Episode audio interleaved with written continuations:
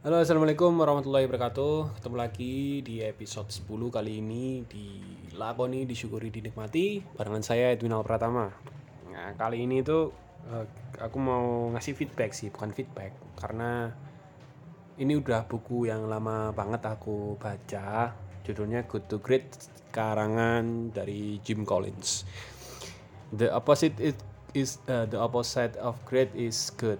The opposite good is great. Jadi intinya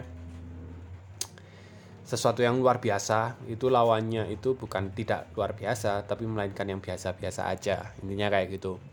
Nah, buku ini sebenarnya hasil riset dari Jim Collins sendiri mengatakan uh, mereka ngeriset beberapa perusahaan yang mampu ngelip tinggi banget dibandingkan uh, usaha-usaha lainnya lah. Dia di situ juga ngasih berapa beberapa case indicator ya faktor-faktor kenapa usaha itu bisa ngelip ngelip tinggi gitu, melompat tinggi, langsung nanjak lah istilahnya.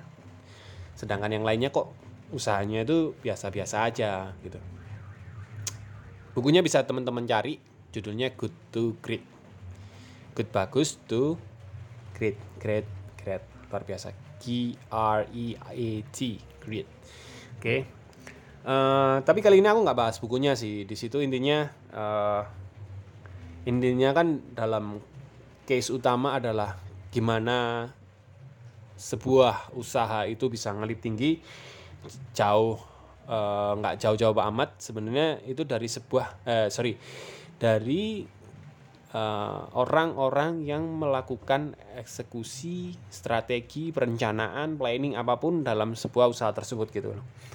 Jadi dalam buku itu ada bahasanya gini, uh, taking people inside the bus. Jadi masukan-masukan orang yang uh, masukan aja orang-orang uh, masuk sebuah bis. Ini perumpamaan bis. Bis itu adalah sebuah usahanya masuk ke dalam bis orang-orang yang berpotensial gitu memiliki potensial oh dia pintar marketing aja orang yang pintar keuangan orang yang pintar strategi ajak-ajak semuanya gitu, gitu kan intinya kayak gitu nah cuman saya kembali lagi. Ini kan eh, dalam buku rata-rata ya buku-buku ekonomi buku-buku manajemen usaha itu kan kalau kita kuliah ekonomi ya rata-rata kan yang dibahas adalah perusahaan MNC ya. MNC dalam artian di sini adalah multinational corporate. Nah, usaha usaha yang udah multinasional udah besar gitu kan uh, mungkin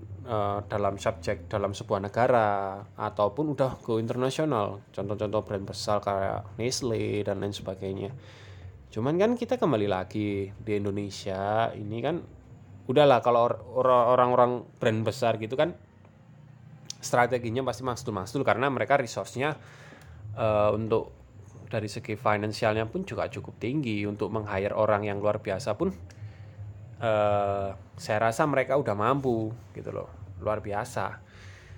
Cuman kembali lagi nih gimana Indonesia ini kan konsepnya kebanyakan ya ada perusahaan besar. Konsepnya kan UMKM gitu kan? Sorry bentar. UMKM gimana yang aku bahasnya bukan UMKM yang sekalinya udah 2 M-an ya. Kayaknya batas UMKM itu berapa menurut 2 M ya? Enggak aku membahasnya yang puluhan juta aja lah. Itu kan udah untuk meng-hire orang-orang yang luar biasa itu kan sulit toh. Meng-hire mengajak meng-hire aja. Kita udah tahu UMR dalam sebuah UMR terendah di Indonesia berapa ya 2 koma ya? 2 koma. Kayak gitu. Nah contoh kita mempunyai beberapa seksi bidang ada kita udah meng-hire berapa itu? Nah itu kan udah kos banget lah itu kadang-kadang buku-buku strategi dalam ekonomi itu ya bagus emang strateginya emang bagus bisa diterapkan banget kalau finansialnya juga tinggi gitu kan. Cuman UMKM skala kecil gimana? Bisa nerapin. Tapi kita harus ya sedikit otak atik lah sesuai dengan kenyataan hidup realita usaha kita ya. Nah kalau gitu tadi oke okay, kita uh, gimana gimana usaha itu bisa ngelip kalau uh, struktur organisasinya diisi orang-orang yang kompeten. Nah gimana nih ngajak orang yang nggak ngajak orang yang kompeten sedangkan salarynya aja mereka udah luar biasa tinggi gitu. Kalau menurut saya sih gimana gimana sebelum ini udah beda ya. Orang kalau masuk dalam sebuah tataran organisasi perusahaan yang udah gede mereka pasti oke okay, kepikirannya pertama adalah payroll. Payrollnya oke okay, udah cukup tinggi sesuai lah. Oke okay, visi perusahaan bisa bikin saya safe visinya saya kayak gini gitu kan nah kalau dalam UMKM kita ngajak orang yang sangar itu luar biasa sulit. Untuk bayar payroll aja kepikiran gitu kan. Kalau kata saya saya rasa untuk bisa menginfluence orang itu gimana gimana uh, dari anu sih sorry dari visi. Visi dan misi sebuah usaha tersebut. Oke kita boleh UMKM tapi sebentar ya bentar. Saya hold dulu uh, visi dan misi sebuah UMKM UMKM ini mau jalannya ke mana sih? Arahnya ke mana sih? Atau sekedar memenuhi kebutuhan hidup sehari-hari? Atau emang someday dia pingin UMKM ini usaha ini uh, bisa dibilang yang dari dagang konsepnya dagang memenuhi kebutuhan sehari-hari bisa menjadi sebuah buah bisnis yang menopang banyak karyawan membesarkan uh, menjadi sebuah struktur organisasi yang luar biasa gitu kan yang omsetnya gede-gedean gitu kan atau punya punya dream kayak gitulah nah dari sebuah dream itu menurut saya kita bisa menemukan sih orang-orang yang mau yang orang-orang yang berkompeten mau diajak untuk uh, menggeluti semu uh, menggeluti membesarkan bisnis tersebut. Ingat gak semua orang ya. Ada saja orang, tapi menurutku ya itu tadi.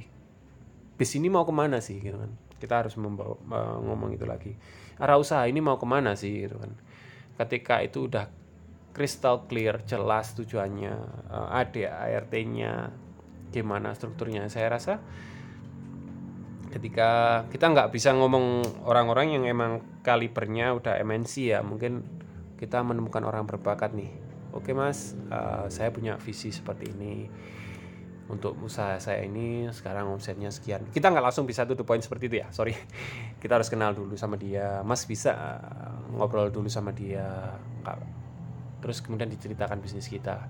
Mas kalau bantu bisa nggak sampai ada titik kayak gitu? Mungkin saya nggak bisa ngasih banyak sesuai UMR mungkin hanya bisa ngasih sekian lah. Teman-teman udah memperhitungkan tapi saya bisa ngasih emas uh, prosentase kepemilikan juga dari usaha ini. Nah seperti itu sih. Menurut saya clue untuk dijawaban dijawab dari sebuah UMKM karena saya rasa UMKM itu kadang-kadang uh, visi misinya juga belum jelas sih. Dari yang saya ngobrol sama teman-teman kamu bikin usaha mau ke mana? Itu terkadang memang belum dijawab banyak visi misi tersebut gitu kan. Jadi sebelum membuat sebuah usaha yang bagus ngewalip dan lain sebagainya saya rasa visi dalam sebuah usaha itu penting. Arahnya ke mana? Bis ini mau ke mana sih gitu kan?